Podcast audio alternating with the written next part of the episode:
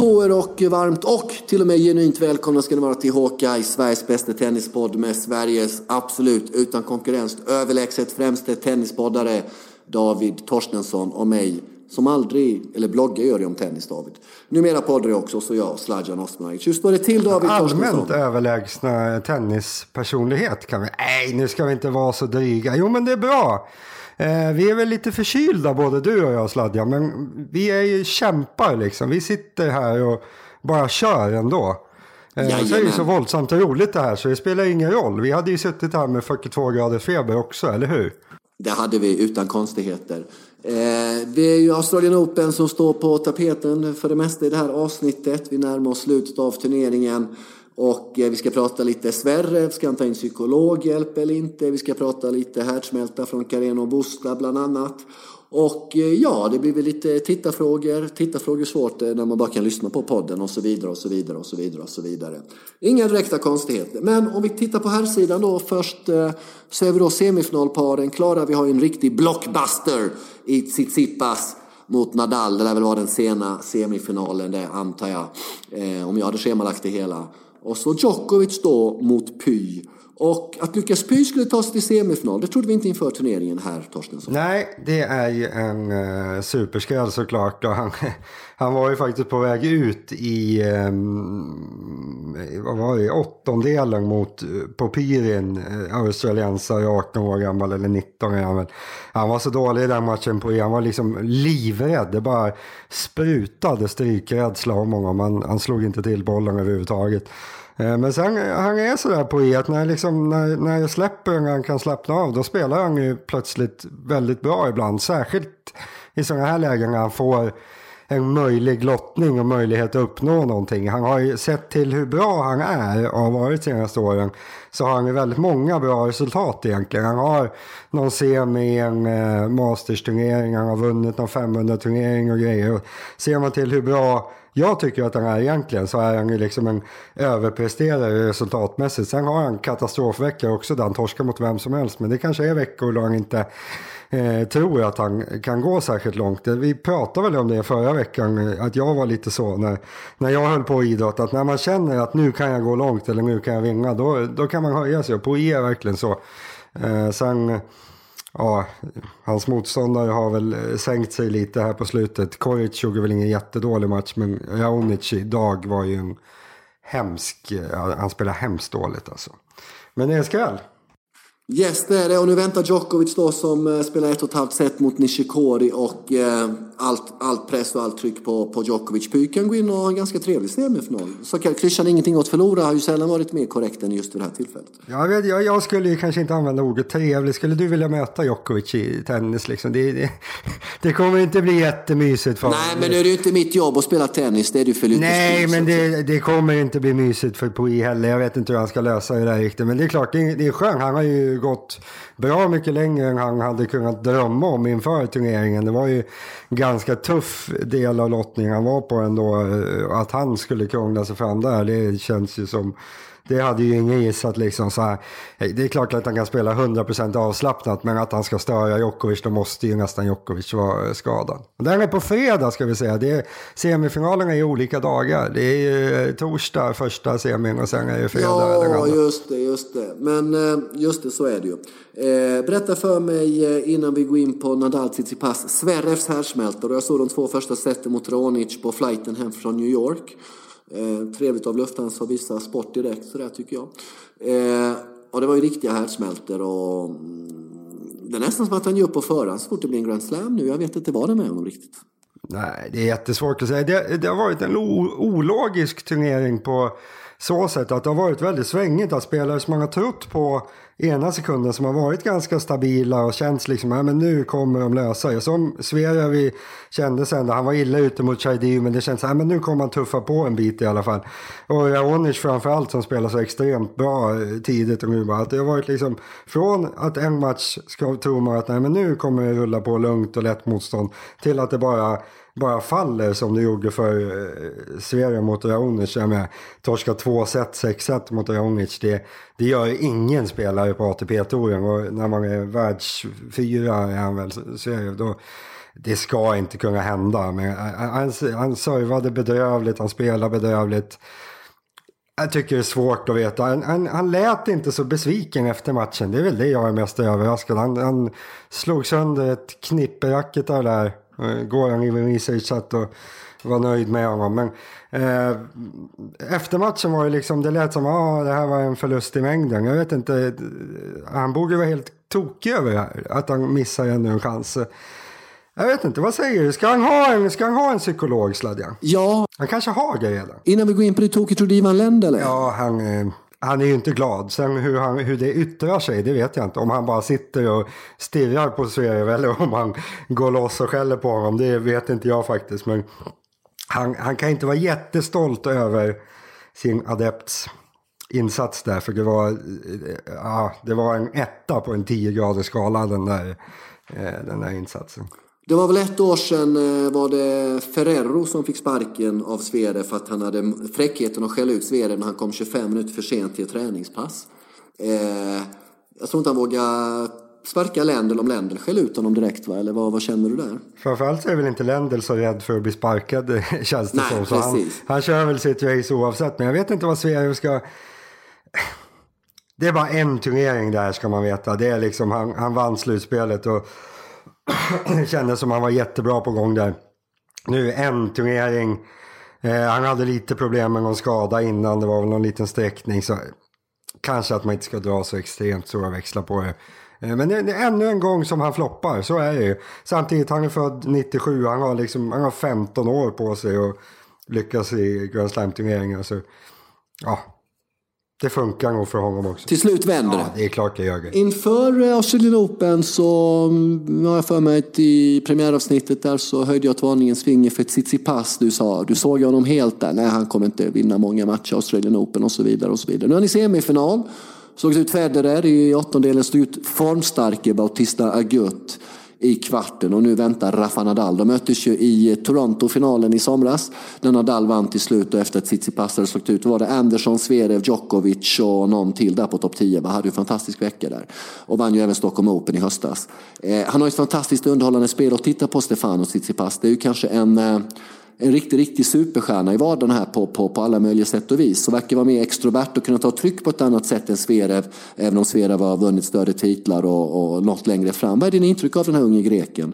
Med rysk mamma. Det verkar ju framförallt osannolikt att jag skulle ha sagt något sånt där. Att han, jag, var, jag har väl sagt hela tiden, han vinner i Australien Open. Nej, Nej du har, såg ju honom helt. Ja, jag vet, jag luras lite här. Ja, jag, ja, ja, ja. Jag är ju rent allmänt lite, är lite tveksam till Tsitsipas. Jag har skrivit flera gånger att jag tror att han kommer att ha svårt att liksom motsvara rank, sin ranking snarare än att eh, klättra. Nu blir det ju inte så. Nu får han ju massor av poäng här. Så nu kommer han inte kunna undvika att eh, klättra under året. Men jag, alltså, han vinner så jävla mycket på sin skalle. Och jag är ju lite sådär att Ja, det, det håller ett tag. Men när motståndarna fattar att han vinner så mycket på skallen och så förhållandevis lite på sitt spel. Då tror ju jag att det är lättare att det lite kommer en reaktion eller att bubblan spricker eller vad man ska säga för en sån spelare än för en spelare som är så fruktansvärt bra spelmässigt. Jag,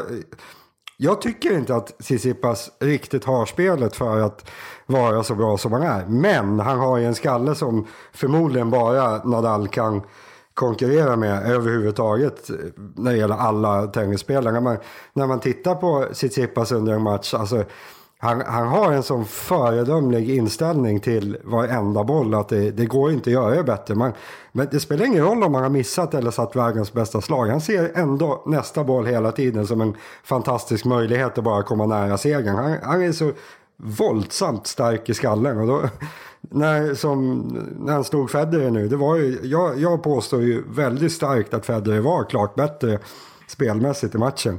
Men Federer har inte den bästa skallen och Tsitsipas har ju antingen den näst bästa eller bästa skallen som finns inom tennisen. Och då vinner man ju de viktiga poängen. Så är det ju. Ja, otroligt bra gjort. Eh, Nadal, oerhört populär i Australien. Tsitsipas har halva Melbourne bakom sig. Man brukar skoja Melbourne att det är den staden i världen där det pratas mest grekiska förutom i Aten och Thessaloniki. Då, då. Väldigt stor grek-community där och väldigt bra stöd på läktarna som vi såg mot Roger. Kan, Roger, kan det bli en faktor mot Nadal här i semifinal? Ja, säkert. Och är det någon som ska kunna eh, dra in stöd från publiken så är det väl eh, Tsitsipas också. Som, som du sa, vi snackar ju verkligen en superstjärna, superhjälte i vardagen där. Han har ju eh, alltså allt. Han har ju en ja, magisk jävla utstrålning. Han är fruktansvärt snygg, han spelar ganska coolt. Han är, nej, alltså det, man vill ju vara sitt Tsitsipas på något sätt. Han är, han är lite coolare än Zverev kan man säga. Och det är klart att när, när ett knippe greker på läktarna och eh, ja, en Nadal som eventuellt inte är helt hundra fast han har spelat så jävla bra. Det, ja, det, det blir en fin match kan vi säga och Tsitsipas kommer ju ha publikstödet utan tvekan. Ja, och det kommer man ju även ha i en eventuell final om man tar sig dit oavsett vem han yes. möter. Den gode Tsitsipas. Ja, vem vinner den då? Nadal eller Tsitsipas? Vem har vi i final? Ja, jag tror, jag tror ju verkligen att Nadal vinner den. Uh, ja, han, han han har ju spelat väldigt bra Nadal. Han, eh, jag har hört flera stycken. Jag, jag skrev det redan i början på säsongen här att jag tror aldrig jag sett Nadal träffa bollen så bra som han gjorde redan när han stapplade runt i Abu Dhabi träningsturneringen där. Och under den här turneringen, alltså slagen, det, de sitter så bra så han är ju uppe på absolut toppnivå när det gäller spelmässiga. Sen, jag är fortfarande tveksam till hur bra fysiken egentligen är. Om han, om han kan röra sig obehindrat när det väl kniper och om han är så pass snabb som, ja det är han ju definitivt inte, men om han är tillräckligt snabb fortfarande. Men alltså när det spelmässiga är så här, då, då behöver han inte ha sin gamla fysik för då, då smaskar han bort sina motståndare bara på slagen istället. Och i och med att jag, jag tycker som sagt att Tsitsipas vinner väldigt mycket av sina matcher på sin skalle. Eh, hur han ska lösa det mot Nadal, att vinna typ alla viktiga poäng. Det är ju kanske inte så lätt mot eh, tidernas starkaste idrottsman typ på det mentala planet. Så, eh, jag, jag tror ju väldigt starkt på Nadal, men det gör ju alla andra också. Så det är väl ingen kioskvältare direkt. Men ah, jag tror att Nadal går till finalstadion. Förra veckan fick vi ju välja varsin slutsegrare i, i herr respektive damklassen. Gick ju sådär, du valde Federer, jag valde Angelique Kerber. Vi går vidare, välj ut en ny idag. Vem väljer du som slutsegrare i herrklassen denna vecka, David? Jag hade fortfarande valt Federer förra veckan. Jag är nöjd med valet. Det var bra. Det var bara det att han fick stryk. Det är sådär ibland i bettingens ja. värld. Ja. Eh, nu satt jag och kollade oddsen på Betthard här precis. Vi pratar för lite om Betthard, Sladjan. Det är våra ja. kompisar. Ja. Eh, Betthard har odds på det där. 1,86 på Djokovic just nu. 2,30 på Nadal. Vad spelar du jag, Ja, jag spelar ju Djokovic såklart. Eh, det är liksom ingen snack om saken. Nadal har absolut en skrällchans. Men att det, det överhuvudtaget skulle vara jämnt mellan dem när det gäller möjligheten att, att vinna. Dels så har Djokovic en klart enklare eh, semifinalen. Nadal, det ska ju vägas in. Han, på is står ju över tio gånger pengarna på att slå Djokovic. Tsitsipas står ju bara drygt fem gånger pengarna. Så redan där är ju fördel Djokovic och sen i en final. Det är, alltså, det är klart att Djokovic är stor favorit hur man än vänder och vrider på det. Så när det gäller de där oddsen, det är ju bara att skjutsa in på, på Djokovic om man nu ska spela, och spela Nadal till de där oddsen. Det, det, kan gå in det också, men jag tycker kanske inte att det skulle vara en så bra investering just nu. Jag väljer Osaka i damkategorin 3,40 tror jag det är. Hon har ju då Pliskova i sin semifinal och sen har vi den andra Collins, osidade Collins mot Kvitova. Eh, så jag väljer Osaka som slutserie till 3,40 eller 3,60 får man där hos Betthard. Just nu.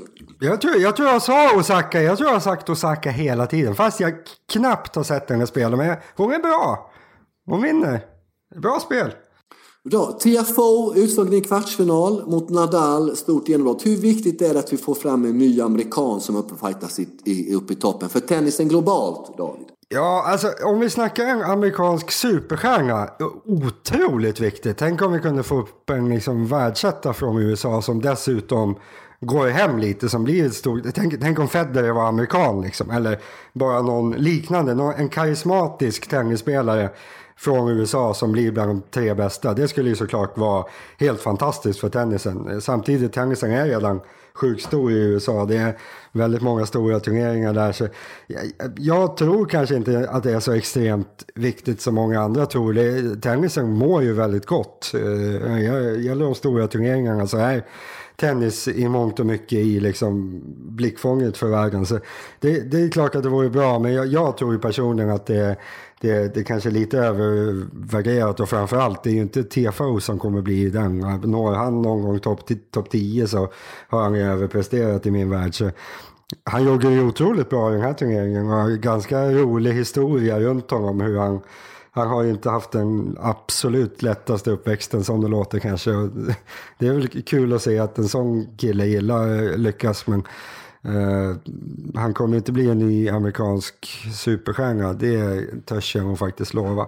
Just det, föräldrar från Sierra Leone som utvandrar, emigrerat till USA. Han är själv, själv född och har haft sponsring av Jay-Z och Beyoncé bland annat som älskar tennis väldigt, väldigt mycket. Och, tajta med Serena, de vill få fram en tennis. Alla kändisar älskar tennis, det är så jag är sladden. Alla. Så enkelt är det, så enkelt är det. Du, eh, vi hade ju en tittartävling förra veckan eh, varav det rätta svaret var hemligt. Jag har dock fått in ett rätt svar på intern Twitterfeed. Och Emil Holmgren, vi skickar en t-shirt till dig när vi har tryckt upp hockey-t-shirten. hade total koll på vem du... När får jag min t-shirt? Skicka t-shirten för fan. Jag vill ha min ja. t-shirt. Ta det, du som hela tiden berättar om hur bra bett har det, kan ju ta det med dem eftersom det är de som håller i t-shirt-biten där. Eh, du, eh, Carena Busta, Meltdown i samband med Nishikori, har du någon kommentar på det eller går vi vidare? Ja, eh, det, han borde väl rimligtvis bli avstängd. Det var inte de snyggaste orden på vägen ut. Det här jävla vargen var Eh, det var de här vanliga spanska eh, skällsorden, eller vad ska man kalla det. Eh, han blev ju orättvist behandlad på ett sätt. Det var ju jag skrev en jättelång text om det där på min blogg där om hur det, det, det, fungerar inte riktigt det här systemet med att domaren som sitter i stolen ska avgöra eh, vad som hände i bollen som precis spelades. Det är alltså, de är för dåliga på det och det funkar inte. Eh, den här gången kanske det blev rätt men det, jag hörde om det, det var väl i, ja, det var i morse eh, som det var en liknande att eh, domaren dömde ut Eh, en spelare utmanade, den visade sig vara på linjen. Eh, varpå domaren ska ta beslut och ska bollen spelas om eller ska eh, ena spelaren vinna bollen. Eh, och då gick jag fram till, bollen, till domaren och sa, äh, men vadå, han slog ut bollen, det är min poäng. Och då svarade domaren, ja, jag minns inte ens om han slog in den eller om han slog ut den efter att domaren hade ropat ut. Och vad är det för jävla svar liksom? Då, då funkar det ju inte. Då måste man göra något annat. Och jag tycker ju då att man ska, de som sitter, det sitter ju människor och övervakar de här Hawkeye-besluten. Att man helt enkelt tar en sån människa och uppgraderar honom till att vara någon slags videodomare. Det tar typ två sekunder extra att han får titta på reprisen och avgöra vad domslutet blir. För domaren i stolen, han, han klarar ju inte. Och då, när, när vi är så bra på allt annat när det gäller domslut. Vi har ju liksom bästa systemet för dömeri av alla idrotter. Vi har nästan inga feldomslut överhuvudtaget längre eftersom vi har hockey. Men när vi nu skulle kunna lösa de här grejerna också så att Carino Bosta slipper bli skogstokig. Ja, men låt oss lösa det då. Så jag hoppas de kommer fram till något bra där. Eh, vi får se hur det går för Carino Busta. Han uppför sig kanske inte så bra, nej. Nej, Lyssnarfrågor. Zlatila Terek undrar om detta är Federers sista säsong. Det kan vi misstänkliggöra eftersom då han säger att han ska spela Roland Garros och ett par grusturneringar inför. Vilken slutsats drar du? Är det sista ja, eller sista? Jag tror väl, om jag får gissa så hade jag väl sagt lite lägre odds på att det är hans sista. Jag tror nog att det är det. Eh, samtidigt, det här med gruset behöver inte betyda att att det är så. För det, det jag tänker att jag tror ju att jag är alltid ganska tveksam till vad Federer säger i sina uttalanden. Han känns inte alltid superärlig ska man väl säga. Men just det här att han inte han säger att jag behöver inte ha något långt uppehåll i sommar och det tror jag kan stämma till viss del. För nu har han inte varit så mycket skadad och han har ändå långa uppehåll hela tiden. Varför ska han då behöva ha ett tre månaders uppehåll över sommaren? Tittar man på hur det är med äldre idrottare så vill de ju gärna på ålderns höst hålla igång. Titta på alla fotbollsspelare som spelar i USA och kommer hem till Europa när de har uppehåll och sådär. Liksom när, när, man, när man är lite till åren då kanske man vill spela istället för att, att vila om man inte behöver. Så jag tror att det kan vara så.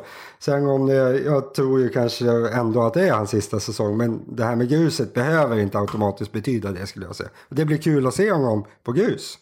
Ja, det kommer bli väldigt, väldigt kul att se honom på grus faktiskt. Och eh, jag inbillar mig att det här är hans näst sista, att han kör nästa år också. Men så kanske han kan mm. liksom ta lite förväl av Roland Garros-publiken och eventuellt Rom eller Madrid eller både och. Eller ja, Monte Carlo åtminstone. Vi får se hur han lägger upp det, den gode Roger. Men det känns ju overkligt att han det känns som att han nästan är för evigt om du förstår vad jag menar. Det... Ja, man vill ju tro det i alla fall. För ja. alltså, det, det, är så här, det är som att, som att tänka på döden eller tänka på rymden. Typ. Man, tennis utan Federer, finns det? Alltså vad händer? Vad händer med alla människor som följer tennis 90% för att Federer finns? Ska de bara byta sport då? Eller kommer de lyckas hitta någon annan? Eller hur kommer det bli? För alltså, världstennisen är ju till stor del Federer. Sen finns det Nadal, det finns Djokovic, men Federer är alltså enormt mycket större än de i folks ögon.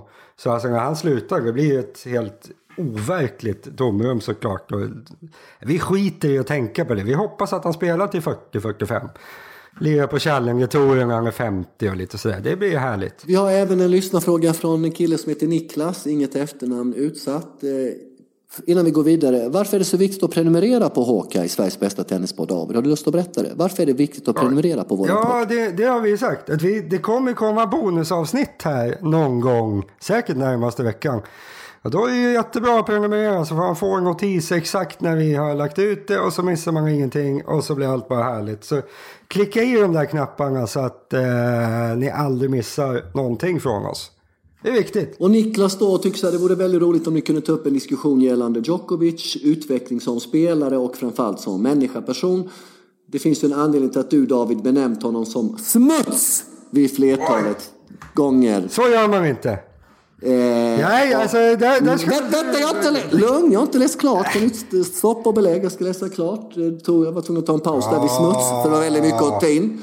Eh, vi går vidare här. Eh, och att han har ett behov av att vara hjälte till varje pris. Eh, det beteendet tillsammans med att man i hans tidigare dagar fick vänja sig vid att han ofta såg döende ut för att till nästa sekund var hur pigg som helst. Kanske har bidragit till att han fortfarande inte är älskad även om han är bäst i världen? Frågetecken. Eh... Frågetecken? Ja, jag hoppas att det inte var frågetecken på bäst i världen utan att det kan vara så att det är Nej, men kring själva diskussionen. Eh, ja, ja. Ja, alltså det, Sladjan börjar här nu. Det här är...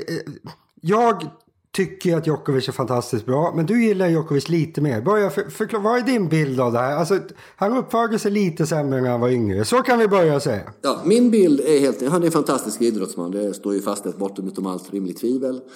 Eh, naturligtvis så fick jag sympati för honom ganska tidigt i och med att han liksom kom från en del av världen där jag delvis har lite rötter. Delvis att han liksom, eh, hans föräldrar fick ta stora ockerlån av eh, lånehajar för kunna skicka dem till Niki Pilic akademin när han var 12 år gammal efter att eh, NATO hade bombat eh, Serbien i tre månader. Och hur han ena dagen tränade i en eh, tom eh, simbassäng då eftersom de hade bombat där dagen innan som inte bomba nästa dag. Jag tycker det finns en fantastisk dramaturgi kring den här eh, idrottsmannen. Jag tycker också med idrottsman att han absolut inte har fått eh, den cred han förtjänar med tanke på vilka framgångar han har. Jag tycker ibland att tennispubliken beter sig fruktansvärt illa mot honom som eh, US Open-finalen 2015 när han möter Federer när publiken jublar när han missar sina första servar. Där någonstans kommer ja, över. Ja, ja, men, men nu det här med att han... Men vänta, lugn och fin! Du, du sitter ju alltid och drar din harang om hans förkläfflighet. Nu måste du bemöta det här. Hur, hur bra uppförde han sig när han var ung? Ja, inte speciellt bra, men det är väl inte den för... Eh, exempelvis de flesta människor beter sig ju bättre när de är 29 än 19. Alltså i regel då. Det handlar om en utvecklingsprocess och så vidare och så vidare och så vidare. Vad jag tycker, sen han blev världsetta 2011 så beter han sig helt korrekt som en världselva. Eh, ibland så tror jag att framförallt brittiska tidningar och vissa amerikanska tidningar har mycket mindre tålamod om han beter sig inom citationstecken illa på plan jämfört med andra spelare. Och någonstans är det ju så här liksom att eh, Eh, ingen är perfekt, men jag menar liksom som utifrån de prestationerna han nått på banan så tycker jag att publiken ger lite för det är som Ben Rotterberg, tennisjournalisten, skrev redan för fyra fem år sedan. The most unappreciated tennis player ever. Eh, och det kan ligga lite där faktiskt. Ja, jag, det, jag tyckte jag sen, var sen, väldigt sen, hård. Ja, ja, sen fortsätt, är det viktigt fortsätt, att, fortsätt. att poängtera att han, det här med att han kunde se död ut. I sitt, vi får ju komma ihåg att den här killen var trea i världen. Han fick reda på att han var glutenintolerant. Eh, sommaren 2010, gjorde en massa tester. Och det att han gav upp match och sånt, det är inte så jävla bra om du har favoritmat, pizza och pasta och du är allergisk mot det. Hur ska du kunna hävda dig mot Federer och Nadal då? Nej. Jag, jag har precis slutat äta gluten. Det är supersuccé. Eh, jag mår mycket, mycket bättre. Eh, det, det, kan säkert vara en del av det där, att det där med, med jag vet inte, jag, nu minns jag inte ens vad frågan var. Men jag, jag, jag var hård mot honom när han var ung och jag tyckte han uppförde sig ofta ganska dåligt. Eh, sen hur mycket det var att han mådde dåligt av det här, det kan det säkert, det har jag ingen aning om. Men ja, det, det kan säkert vara någonting som ligger kvar lite. Och sen är det ju det som främst gör att han inte är så omtyckt som han kanske borde vara, det beror ju på Federer och delvis Nadal. Att han har ju liksom aldrig kommit ikapp dem i, i popularitet, för de var stora innan han var stor, så då fanns det inte tillräckligt med fans kvar för honom. Det, det måste ju vara så helt enkelt. Det tycker du han har varit värdig som världsetta och så vidare då liksom? Eh, och hela den biten? Ja, alltså, värd, ja, alltså numera uppför han sig ju bäst av alla. Han är ju den bästa vinnaren och den absolut bästa förloraren. Titta bara hur han gratulerar sina motståndare när han förlorar. Han är så bra förlorare så att det är direkt löjligt åt han. Han ser faktiskt ut att vara genuint glad över att någon annan har lyckats slå honom. Att någon har presterat så pass bra. Eh, och stor i vinnaren, vin, alltså, när han vinner också. Och under själva matcherna. Det, det enda jag kan tycka att han kanske inte gör optimalt nu för killen. Det är att han reagerar så starkt på när publiken gör någonting som han inte tycker är så bra. Som jag såg det var i Australian Open här nu när han gör ett dubbelfel, publiken jublar lite och han går och gör tummen upp till dem. Det, ja, alltså det är onödigt. Federer och Nadal skulle aldrig nedlåta sig till att göra det. Man har ju Nej, det irriterar mig också. Mindervärdighetskomplexet på något sätt. Att han vill ju så gärna vara älskad. Och då blir han ju besviken när han stöter på sådana där grejer. Eh, han skulle kunna hantera det bättre. Men det finns inte, han är den som i min värld uppför sig bäst av de här tre stora. Federer har ju sin, att han kanske inte är en världens bästa förlorare som man såg nu mot Tsitsipas. Att så fort det går emot då är han ju ett svin på banan liksom i min mening. Och Nadal, jag vet inte, han är väl kanske inte världens bästa förlorare på han heller. Han, han, han mår ju inte så bra av att förlora. Eh, så Djokovic är den som hanterar sånt där bäst. Eh, så, eh, och sen har han ju utvecklats väldigt mycket som person som Niklas inne här. Han kramar ju träd och sånt. Har du testat det på New York nu?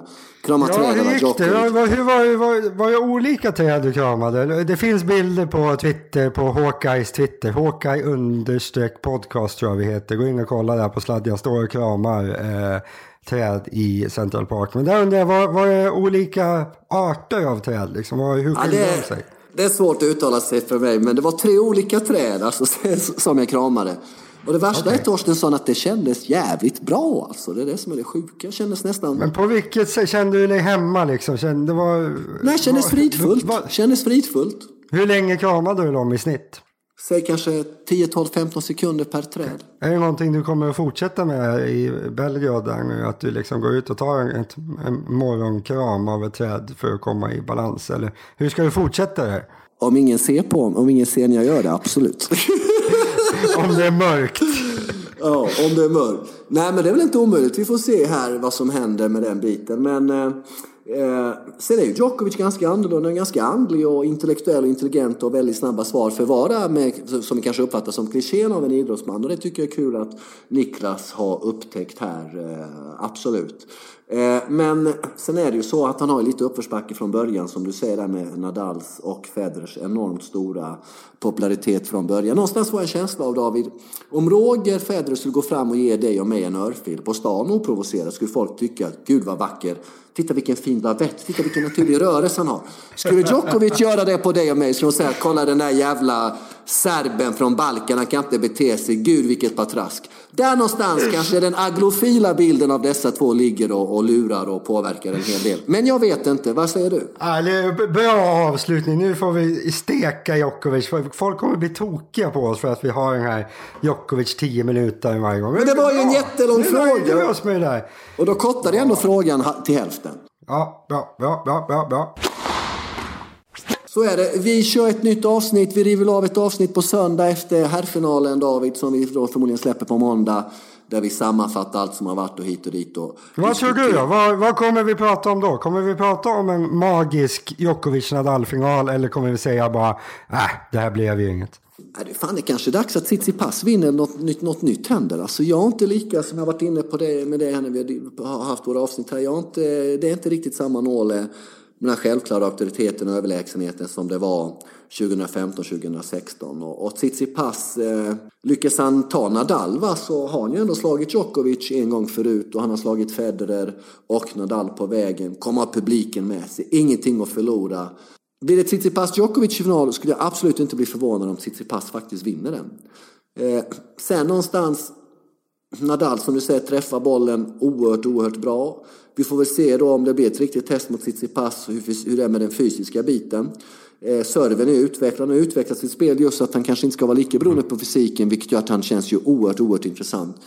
Men jag tycker inte Novak riktigt eh, har hittat det här superspelet. Han vinner väldigt mycket på att vara väldigt tajt och säker och så vidare. Att han är ju svårslagen och allt det här. Men jag är inte alls säker på, på, på, på, på att det blir eh, Djokovic här. Långt ifrån, långt ifrån. Naturligtvis skulle det vara trevligt. Jag tror att vi kommer sitta och prata om den här fantastiska finalen. Jag tror att jag tror det blir Djokovic-Nadal. Det tror ju i och för sig väldigt många. Men jag tror också att det kommer det måste bli en jävligt bra match alltså. De är, de är tillräckligt bra båda två och de brukar alltid höja sig lite när de möter varandra. Så, ja, söndag kväll, eh, Sladjan, då kommer vi sitta och säga att det här var ju den bästa matchen på ett och ett halvt år. Ja, den bästa matchen sen Wimbledon semifinal i somras när de möttes, eh, Nadal och... Nej, men när de två spelar så är det en helt ny nivå. Med vinklar de hittar, hur de täcker banan. Spelar ingen roll vilket underlag. Mm.